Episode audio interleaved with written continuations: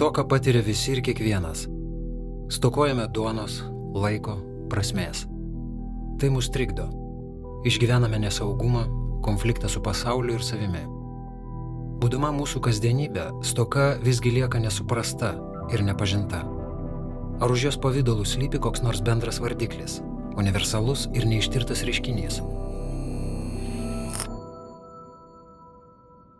Sveiki, mėly Marijos radio klausytojai. Girdėjome ištrauką iš filmo Tobulas Alkis. Jūs girdite laidą, kurioje pristatome įvairius filmus, muziką krikščionims. Ir šiandieną mes kalbėsime apie labai įdomų projektą, kuris yra daugiau negu tik tai filmas, apie Lietuvos Laisvos rinkos instituto projektą. Tobulas Alkis išėjo to projekto vaisius dokumentinis filmas, kurį galima pažiūrėti LRT mediatekoje. Ir šiandieną pas mus Vilniaus Marijos radijos studijoje svečiuojasi Elena Leontieva Lietuvos Laisvos rinkos instituto prezidentė. Sveiki. Sveiki. Labai džiaugiuosi, kad sutikote ateiti, nors ir stokodama laiko, aš irgi stokodamas laiko pavėlavau, bet štai tikiuosi, kad e, mes šitą laiką galėsime tikrai labai įdomiai praleisti, kalbėdamėsi apie šį labai tikrai įdomų projektą, nes šis filmas gimė po jūsų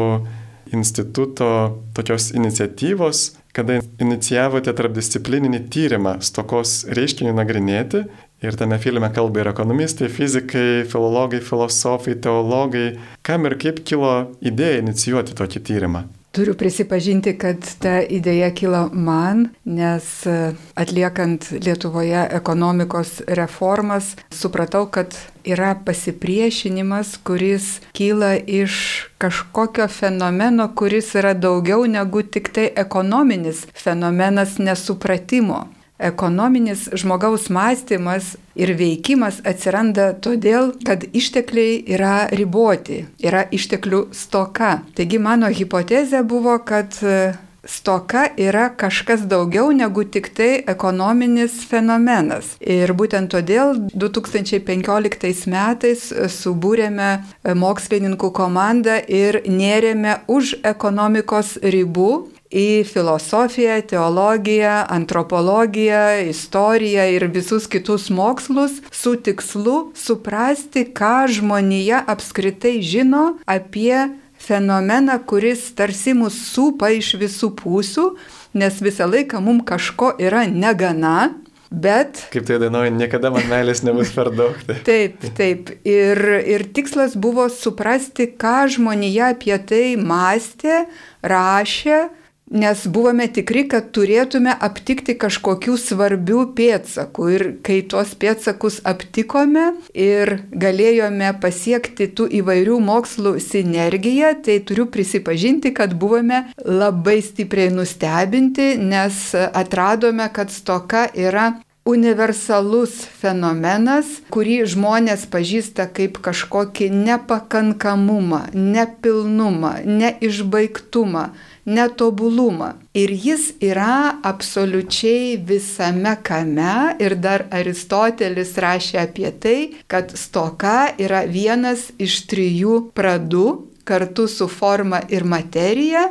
Ir be stokos dalykai negalėtų atsirasti. Čia tam tikras paradoksas, vien tik tai formos ir materijos santykio, kaip rašė Aristotelis, yra negana, kad suprastume, kaip dalykai randasi, kodėl jie kinta. Ir tada jisai ir pasako, kad stoka yra tas pradas, kuris tuo pačiu yra ir potencija.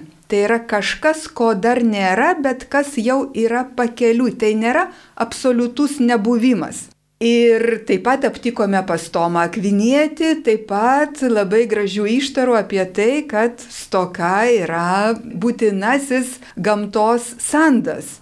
Ir tada supratome, kad atradome dalyką, kuris yra, na, tiesiog labai svarbus. Ir kartu su mokslininkais pamatėme, kad tiek fizikiniuose procesuose, tiek chemijos procesuose, visame kame yra tas kismas, yra tas žaidimas tarp kažkokio nebuvimo, kuris tuoj pat virsta kažkokiu buvimu, būtent per tą potenciją. Ir čia labai įdomus dalykai atsiveria, kad praktiškai visomis kalbomis stoka yra neigiama savoka. Nors žmogaus smegenys yra taip sutvertos, kad mes kaip tikslo siekiančios būtybės ir reaguojame į kažkokį tai nepilnumą. Mes esame kažkuo nepatenkinti. Kitaip tikslo nebūtų buvę, ar ne, jeigu viskas visiškai mus tenkina. Ir todėl stoka yra mūsų variklis, mūsų potencialas. Tai yra tramplinas, nuo kurio mes kaip žmonės, kaip kūrenčios būtybės apskritai galime kurti. Ir čia labai gražus dialogas yra tarp mūsų ribotumo ir pasaulio neišbaigtumo, nes mes ir esame pakviesti į pasaulį tam, kad tęstume jo kūrimą, galėtume jį tobulinti. Ir gražiausia man yra tai, kad mes patys ištobulėjame dirbdami pasaulyje. Nes jeigu pasaulis būtų tobulas, aš nieko nebegalėčiau prie jo pridėti. Bet kaip aš galėčiau tapti savimi? Ir aš nuolat kovoju su žinių stoka, sugebėjimų stoka, mane nuolat kankina bendrystės stoka, dėl to mes e, sueiname į kažkokias e, bendruomenės, kartu mes galime nuveikti tai, ko vienas žmogus nenuveiktų. Taigi daugybė, daugybė gražių atradimų, bet turbūt turėčiau sustoti ir leisti jums paklausti. Taip, ir aš kaip tik prisiminiau iš e, išėjimo knygos tą epizodą, irgi galbūt kaip teologas, kaip kunigas, ir toje ištraukoje šventajame rašte Dievas duoda maną, duoną iš dangaus, jisai patenkina tą alkį žmonių, tiesiog fizinį alkį, bet kartu ir duoda tai tik vienai dienai, kad jie ateitų pas jį jo ieškotų, jo trokštų ir kad, aišku, ne tik dovanos trokštų, bet ir paties davėjo, nes visą tai, ką jie prisirinkdavo daugiau, visą tai sugesdavo. Ir paskui Jėzus toliau sako Naujam testamente, kad žmogus gyvas ne vien duona, bet ir kiekvienu žodžiu, kuris išeina iš Dievo lūpų. Taigi panašu, kad e, krikščioniškame prieškime Dievas ir sukuria žmogų tokį, į kurį įdeda tą troškimą ieškoti laimės, bendrystės, meilės ir kartu pats gali jį tik tai patenkinti. Ir kartu va, tas toka, tas troškimas, elkis, Dievas nori, kad mes jį išsaugotume, kad jisai mus vestų vestų link jo. Taip, taip. Ir nuostabų pavadinimą mūsų dokumentiniam filmui davė mūsų produceris Kestutis Drasdauskas. Mes buvom sumastę visokių protingų pavadinimų ir kai jis pasakė tobulas alkis, tada supratome, kad na štai yra iš tiesų išraiška visų tų mūsų alkių, nes už jų yra tobulas alkis, kurio nepažinęs, nepatenkinęs žmogus, žinoma, yra blaškomas visų kitų alkių, bet ir jie mūsų žemiškam gyvenimui yra būtini ir jie yra geri. Ir vienas labai svarbių atradimų, kad stoka, kuri va taip žmogui atrodo yra neigiamas dalykas, kažkoks prakeikimas, kažkokia nesėkmė, Dievo ne visa galybė, kad jeigu stoka yra pradas, tai pradas negali būti blogis, vadinasi, stoka yra gėris. Ir čia reikia tikrai labai labai daug tokių ir nuolankumo, ir pastangų iš žmogaus pusės, kad, na, priimtų, kad tas pasaulis yra netobulas su tikslu, kad mes jame apskritai galėtume tobulėti. Ir čia labai viena vertus paprasta paaiškinti, kur tu žmogau galėtum tobulėti, jeigu jau būtum tobulas. Na, galėtum tik tai ristis žemyn. Ar ne? O kadangi mes esam aukštin kopiančios būtybės, reiškia, tas tobulumas mums niekada nėra galutinai duotas. Ir labai įdomu, kad mes visą laiką turime rinktis, nes turime labai ribotą laiką.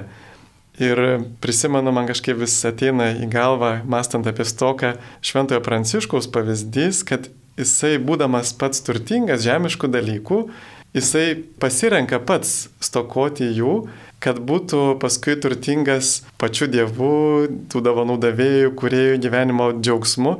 Ir įdomu tai, kad jisai, kada visko išsižada, bet kaip ir Jėzus parašyta, jisai apiplėšė pat save, tapdamas panašus į žmonės ir mes tapame turtingi per jo neturtą. Ir šventas Pranciškus irgi jisai apiplėždamas pat save, jisai tarsi tampa turtingas pačiais svarbiausiais dalykais. Vadinasi, kartais mes turime turbūt kažko atsižadėti Na, kaip pavyzdys, ne, kad e, atsižadėti, pavyzdžiui, darboholizmo, kad tu turėtum laiko savo šeimai, nes tu stokoji ir tu negali turėti be galo, pavyzdžiui, laiko darbui ir be galo laiko šeimai, tu turi rinktis, kas yra svarbiau. Jo, užkabinote netgi dvi labai svarbias išvalgas. Tai pirma, kad žmogus kaip ribota būtybė ir ribota tame tarpe ir laike nuolat turi rinktis ir iš čia atsiranda poreikis turėti prioritetus ir atsisakyti kažkokių kelių vardant pagrindinio kelio. Ir ekonomikoje, kas įdomu, tai yra viena pamatinių paradigmų, kuri kalba apie alternatyvę naudą arba vertę, kurios tu atsisakai vardant tos pagrindinės vertės. Ir ant tų paradigmų praktiškai yra pastatyta e, visa ekonomika. Ir pirmas ribotas išteklius kaip bebūtų keista, yra būtent laikas. Antra labai svarbi išvalga, kad stoka kiekviename žmoguje yra tam tikra konstanta. Ta prasme, mes visada patiriame kažkokias stokas. Bet, bet nega... oro stoką tai visą laiką patiriame. Jo, bet būdami riboti, vėlgi mes negalime jas visas apriepti ir išjausti. Todėl mes jaučiame kažkokią pagrindinę stoką ir ta stoka nulemia mūsų prioritetą tuo metu. Bet yra stokų metamorfozė. Ir kaip jūs apie Pranciškų kalbėjote, iš tiesų žmogus uždarydamas kažkokių stokų langelį save atidaro kitiem potyriam. Kita vertus yra didelė apgaulė galvoti, kad jeigu aš kažkokias savo stokas panaikinsiu, tarkim finansinę ar dar kažkokią, kad jau viskas bus ramu, bus e, tobulas gyvenimas ir man nieko nereikės rūpintis. Ir tokių iliuzijų yra labai daug žinoma ir žmogaus gyvenime, ir valstybių gyvenime. Taigi to fenomeno atradimas iš tiesų atrakina begalę svarbių išvalgų, iš kurių turbūt svarbiausia yra tai, kad mūsų apskritai laisvė ir kūryba yra nuolatinėme dialoge su stoka. Čia jau kalbu mūsų ir filmo ištaromis, nes tai, tai buvo labai svarbu suprasti, kad, kad tiesiog nei laisvė, nei kūryba būtų neįmanoma, todėl man kaip nuolankiai būtybei labai svarbu pažinti tą fenomeną, nustoti į jį žiūrėti kaip į savo priešą ir kažkaip tai vat, su juo susidraugauti, ką mes ir, ir darome jau ne vienerius metus ir dalinamės tuo ir su kitais, nes ypač jaunimui mūsų laikais e, labai svarbu pažinti ir priimti tą netobulumą kaip neprakeikimą, bet palaiminimą.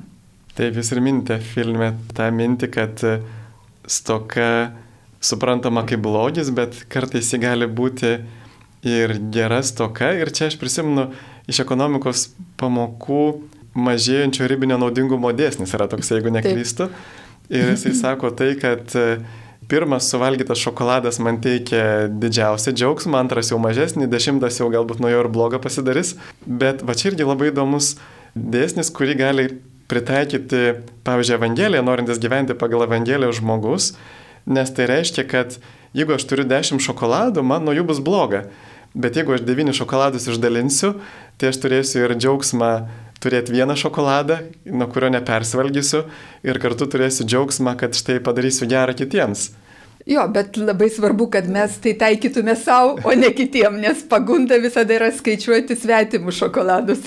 Čia kaip, kaip sako, kad kuo skiriasi komunizmas nuo krikščionybės, kad krikščionybė sako, kas mano, tai tavo, o komunizmas, kas tavo, tai mano. Tai taip, panašiai. Nedidelis, nedidelis skirtumas, taip. Iš tiesų. Ir dabar kviečiame pasiklausyti trumpą šio filmo ištrauką. Jei dar Aristotelis kalbėjo apie stoką kaip pradą, kaip galėjo nutikti, kad ji liko taip ilgai paslėpta? Stoka tarsi žaidžia slėpinę su žmonėje. Slėptis ir įgauti skirtingus pavydalus yra jos savybė. Juk ji yra tai, ko nėra, ko stokojama.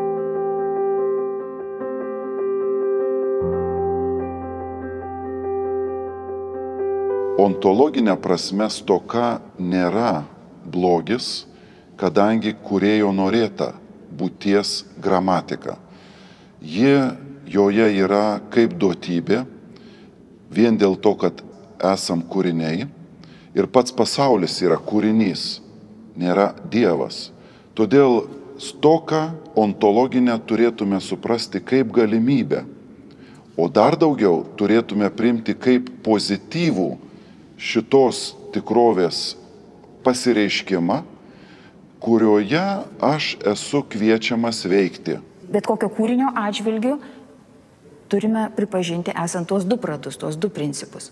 galimybės arba potencijos ir tikrovės akto.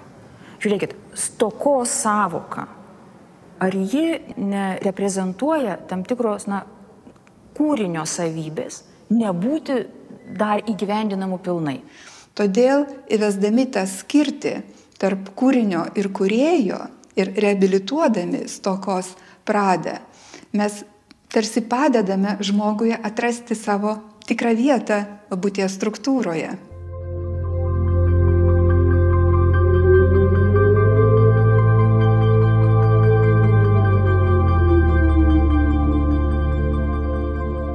Mes visi gimstam su įgimtų siekimo jausmu. Įgimta tokia kūrybinė energija. Bet gimęs žmogus yra bejėgis praktiškai, ar ne kūdikis negali nieko padaryti pats, išgyventi pats jisai negali. Taigi žmogus stokoja visko gimęs, visko išskyrus savo gyvasti. Jis stokoja kailio, ilčių, viso to, ką turi daugybė kitų gyvūnų. Ir, ir šita patirtis stokos yra, gimties prasme yra šokas žmogui. Tai kažkas atsitinka, jis patiria didžiulį virsmą ir gimsta į didžiulę tuščią atrodytų erdvę, kurioje pirmas dalykas, ką jis patiria, tai yra egzistencinė, tokia pirma pradė, stoka. Ir be abejo, nuo pat kūdikystės jis pradeda jausti menkavertiškumo jausmą, tai yra dėl to, kad negali, realiai negali. Gali būti, kad augdamas vaikas supranta, jam padeda aplinka suvokti, kad tas menkavertiškumo jausmas yra normalus. Tai, ko negali, yra realiai negali ir yra, ką jis gali, tai yra realiai gali. Ar ne, mes visi susidūrę su vaikais, kurie, kurie pasako, ne, mamytė, aš mažas ir negaliu. Ir čia labai priklauso, kaip ta mama elgsis. Ar jinai įtikins tą vaiką, parodys jam, kad jis tikrai gali, ar jinai grieps ir padarys už jį.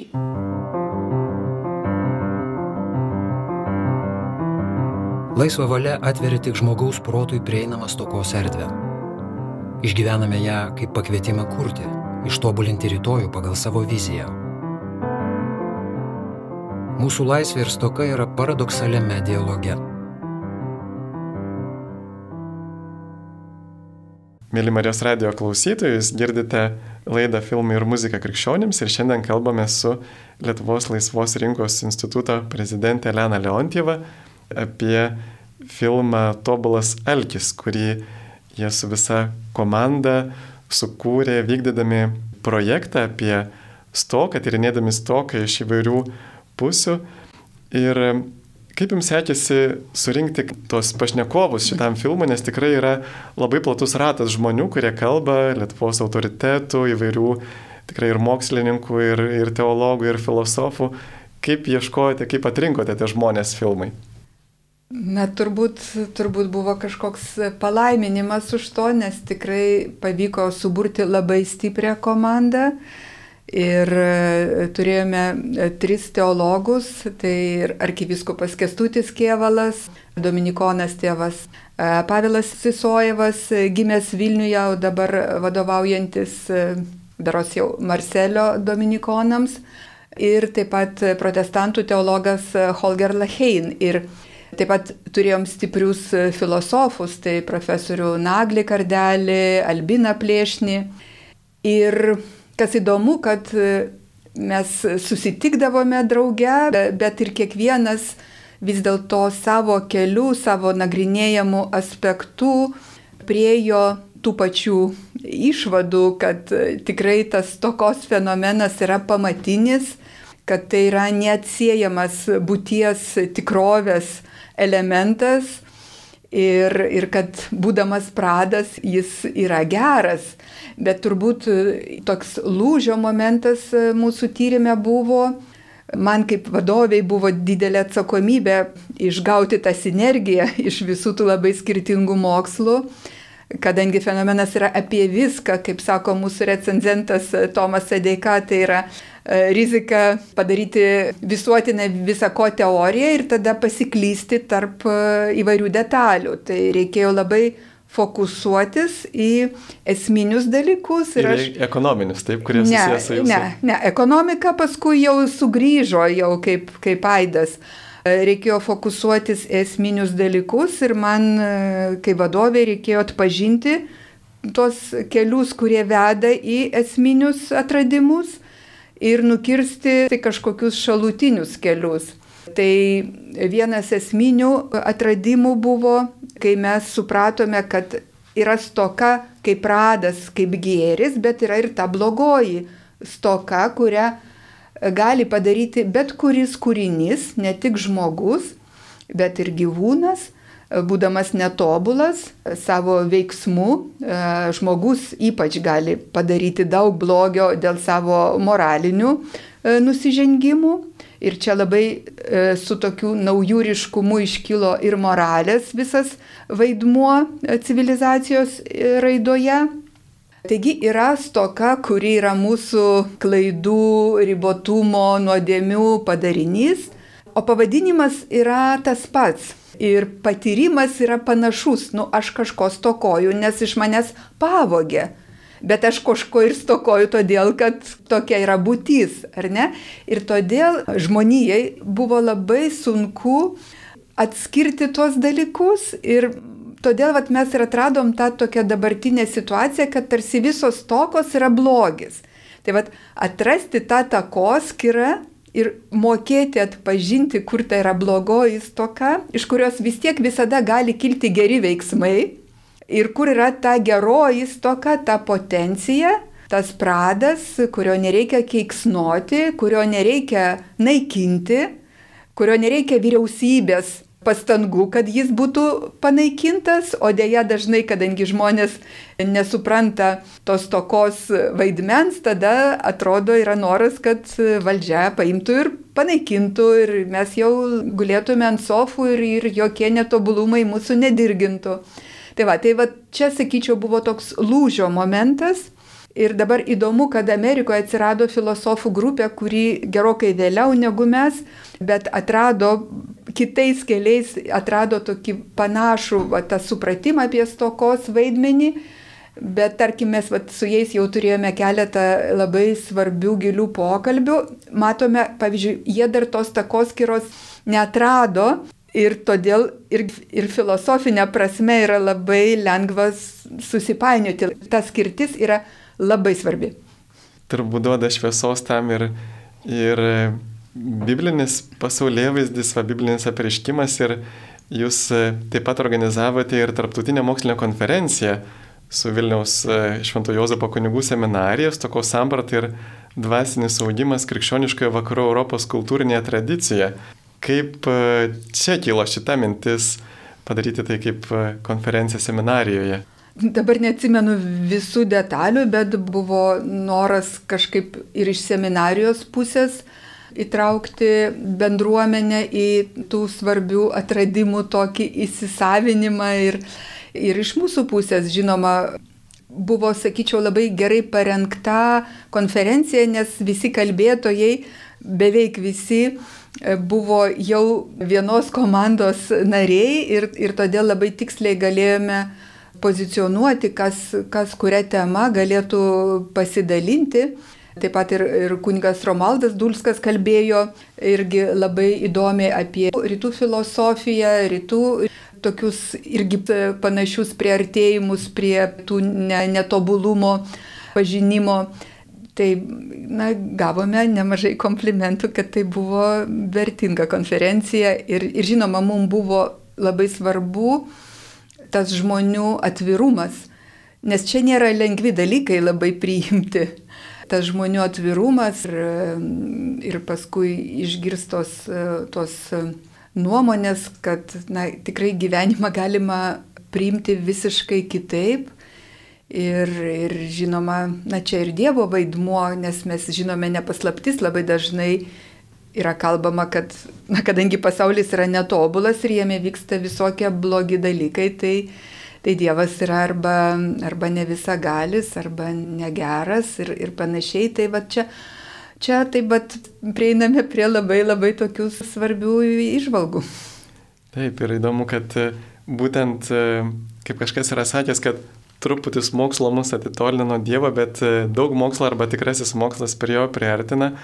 Tai ir mūsų ta pažinimo stoka neleidžia išvelgti to tobulumą ir to plano gamtoje ir, ir mūsų gyvenime. Čia panašiai kaip kilima audžiant iš vienos pusės atrodo siūloma kalinio, iš kitos pusės labai gražus, gražus raštas ir mes turbūt tik iš kitos pusės galėsime pamatyti šito gyvenimo prasme ir tos kančios prasme. O vat šitame kūrybinėme procese, kiek jūs sugaišote laiko, kiek laiko kūrėte šitą filmą?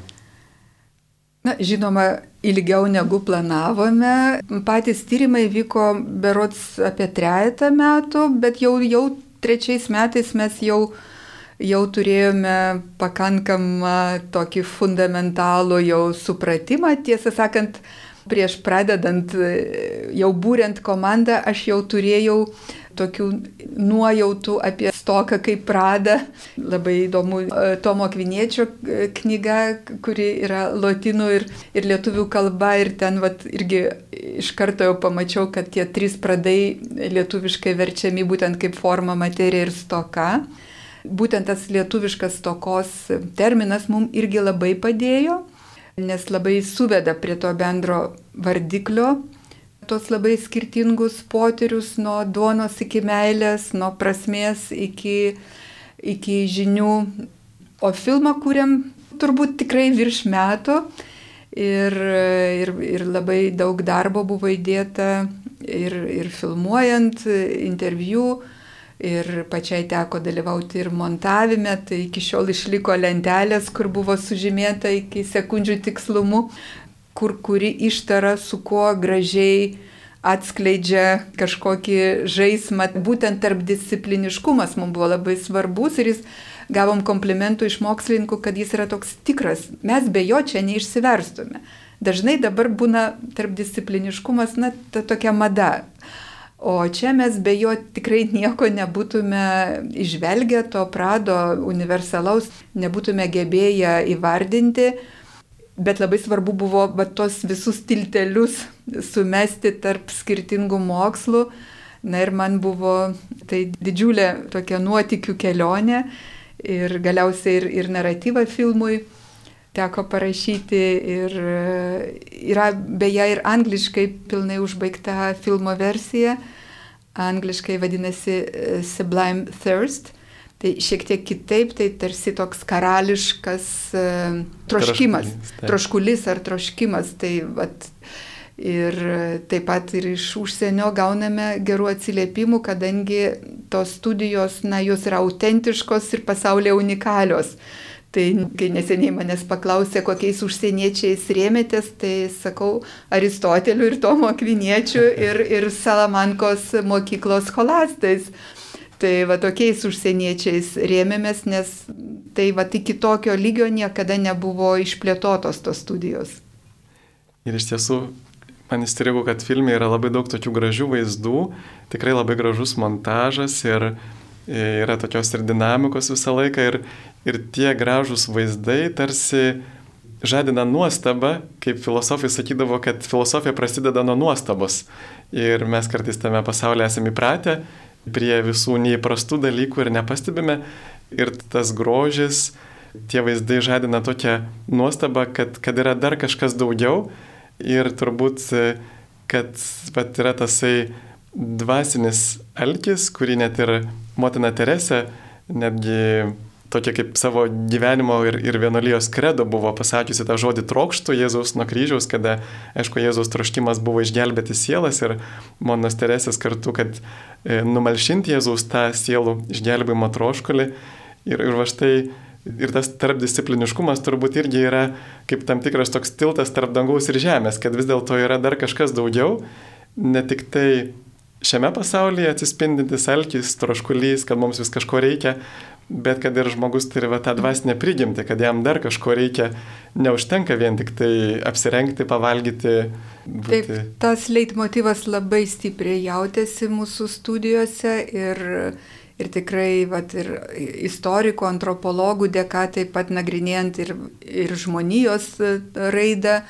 Ir jos tokius etapus, va, tos tokos akivaizdoje labai jautėsi kad seniau žmonės tikrai labiau buvo atviri tom įvairiom žemiškom stokom, bet ir labiau galbūt patirdavo tas dangiškasias e, stokas, jos buvo labiau suprantamos, savaiminės tarsi.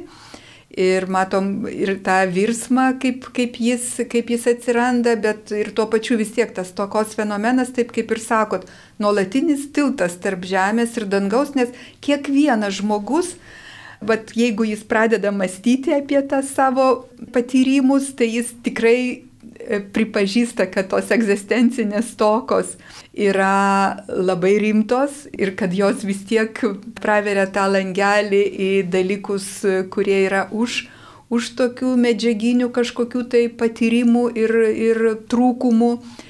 Ir, ir tas, na tikrai ačiū, kad džiaugiamės, kad tai jaučiasi ir filme, nes nes tą tikrai visi labai, labai patyrėme. Patys, kaip, kaip sakė mūsų recenzentas Tomas Sodeika, kad patys tyrėjai yra pagrindiniai ir tyriamieji. ir tikrai patys irgi patyrėme visas tokos apraiškas ir tuo metu pati turėjau gyventi kaip tam tikra laboratorija ir stebėti, stebėti savyje tos virsmus. Ir to dėka vat, ir yra tie labai svarbus atradimai apie metamorfozę Nes viena vertus guodžia žmogų, nes, nu, pasako, kad visada ko nors tokosi. Viena vertus galima pasakyti, kad nu, tai yra bloga žinia, kita vertus jinai yra labai paguodžianti žinia, nes kai aš suprantu, kad tai yra desningumas ir kad tai yra geras desningumas, kuris mane kaip žmogų išaknyje apskritai gyvenime, tai atsiranda atsiranda visiškai kitas nuolankumas, ištvermė, beje, irgi e, turėjome labai gražių išvalgų apie tai, kad e, ir tos e, dorybės žmogaus, daugelio tų dorybių vaidmuo labai gražiai atsiskleidžia būtent stokos akivaizdoje. Tai vienu žodžiu, čia patyrimams ir atradimams kiekvienam yra atviras dar, dar, kas svarbu, nelabai kitų nueitas kelias. Pasiklausykime dar vienos filmo ištraukos. Praeities kartoms toka atrodė tokia mislinga, jog buvo mistifikuojama ir stigmatizuojama.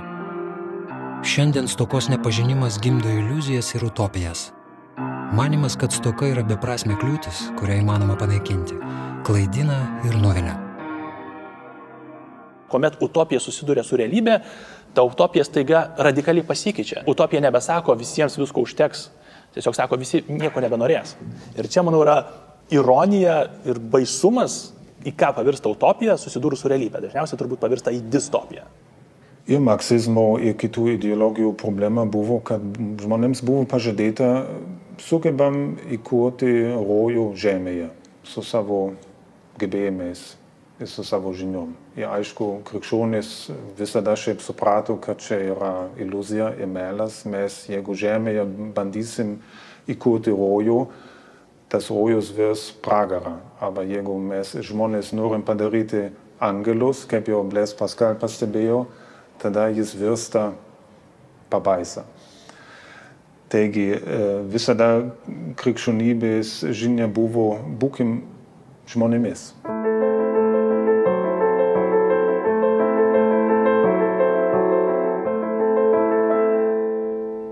Žmogaus sąmonė taip sudėlioja dalykus, kad mes negalim gyventi chaose ir netvarkoje. Tai yra žmogui netinkanti pagal prigimti erdvė. Iš chaoso jis turi sukurti aplinką, kuri tampa tinkama gyventi žmogui. Ir šiuo atveju mes matom, kad žmogus sukuria kontrastą tarp chaoso ir tvarkos, tarp e, beformybės ir būties, kurioje jis gali gyventi.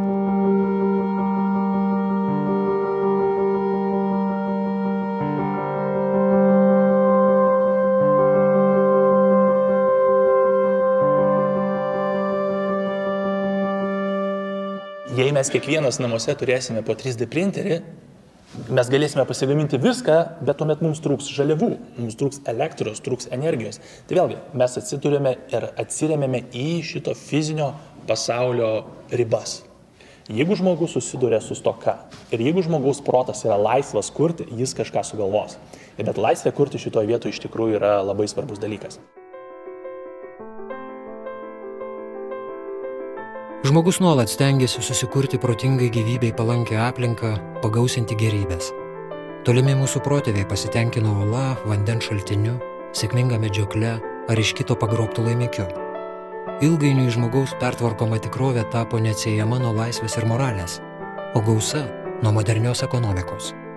Toks atsakas į stoką leidžia žmonijai vis darniau apsirūpinti tuo, kas būtina. Į kiekvieno augalo, į kiekvieno gyvūno prigimti yra įdėtas tas padauginimo principas. Tam, kad giminė liktų gyva, ji turi būti pajėgi daugintis, išlikti.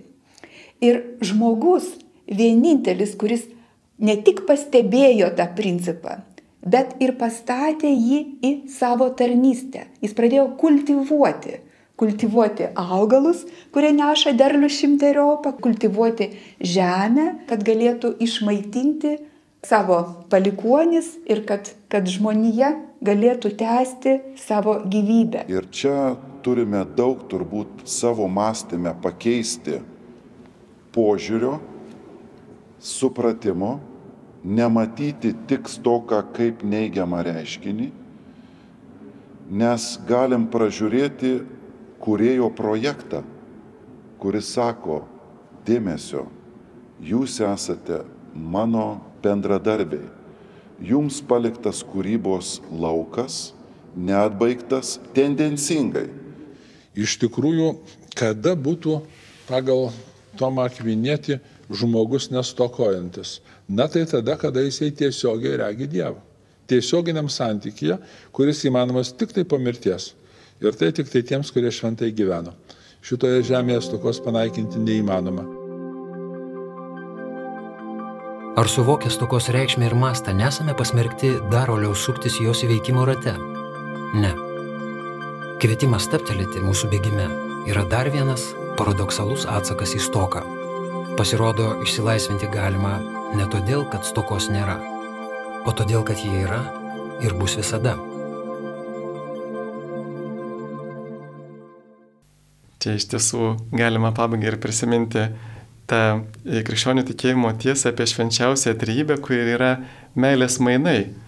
Kad nu, nuolatinis judėjimas ir kad sunus dovanoja save tėvui, tėvas dovanoja save sūnui ir jų tarpusavę meilė yra šventoji dvasia. Ir štai tie e, meilės mainai kartu ir kurėjo su žmogumi, kaip Benediktas XVI irgi popiežius minė apie tai, kad štai yra ir Dievo meilė agapė, kuri liejasi link žmogaus ir kartu Dievo ir troškimas meilės eros, kuris irgi trokšta žmogaus meilės. Tai vad galiausiai stoka, kuri kartu irgi apibūdina tą meilės alkį netgi tarp Dievo švenčiausios trybės viduje ir, ir Dievo ir žmogaus. Tai gal tą mintimi ir šiandieną galime baigti šią laidą ir kartu norėtume pakviesti visus pažiūrėti šį filmą, kuris yra LRT mediatekos interneto puslapyje ir vadinasi Tobulas Alkis. Ačiū Jums už šitą gražų kūrinį. Mums buvo didelė garbė Jūs turėti čia studijoje. Priminsiu klausytojams, kad su mumis kalbėjusi šio filmo iniciatorė, projekto vadovė ir kartu Lietuvos laisvos rinkos instituto prezidentė Elena Leontieva, šio filmo režisieriai Gintautas Milga ir Ramūnas Aušrotas. Taip pat su jumis kalbėjusi aš kunigas Sigitas Jurkštas. Tai tikrai dėkojom už šitą gražų kūrinį ir labai mums buvo tikrai garbė, kad apsilankėt mūsų studijoje ir kad galėjome su jumis kalbėtis, o su klausytojais atsisveikiname ir iki kitų susitikimų. Sudė.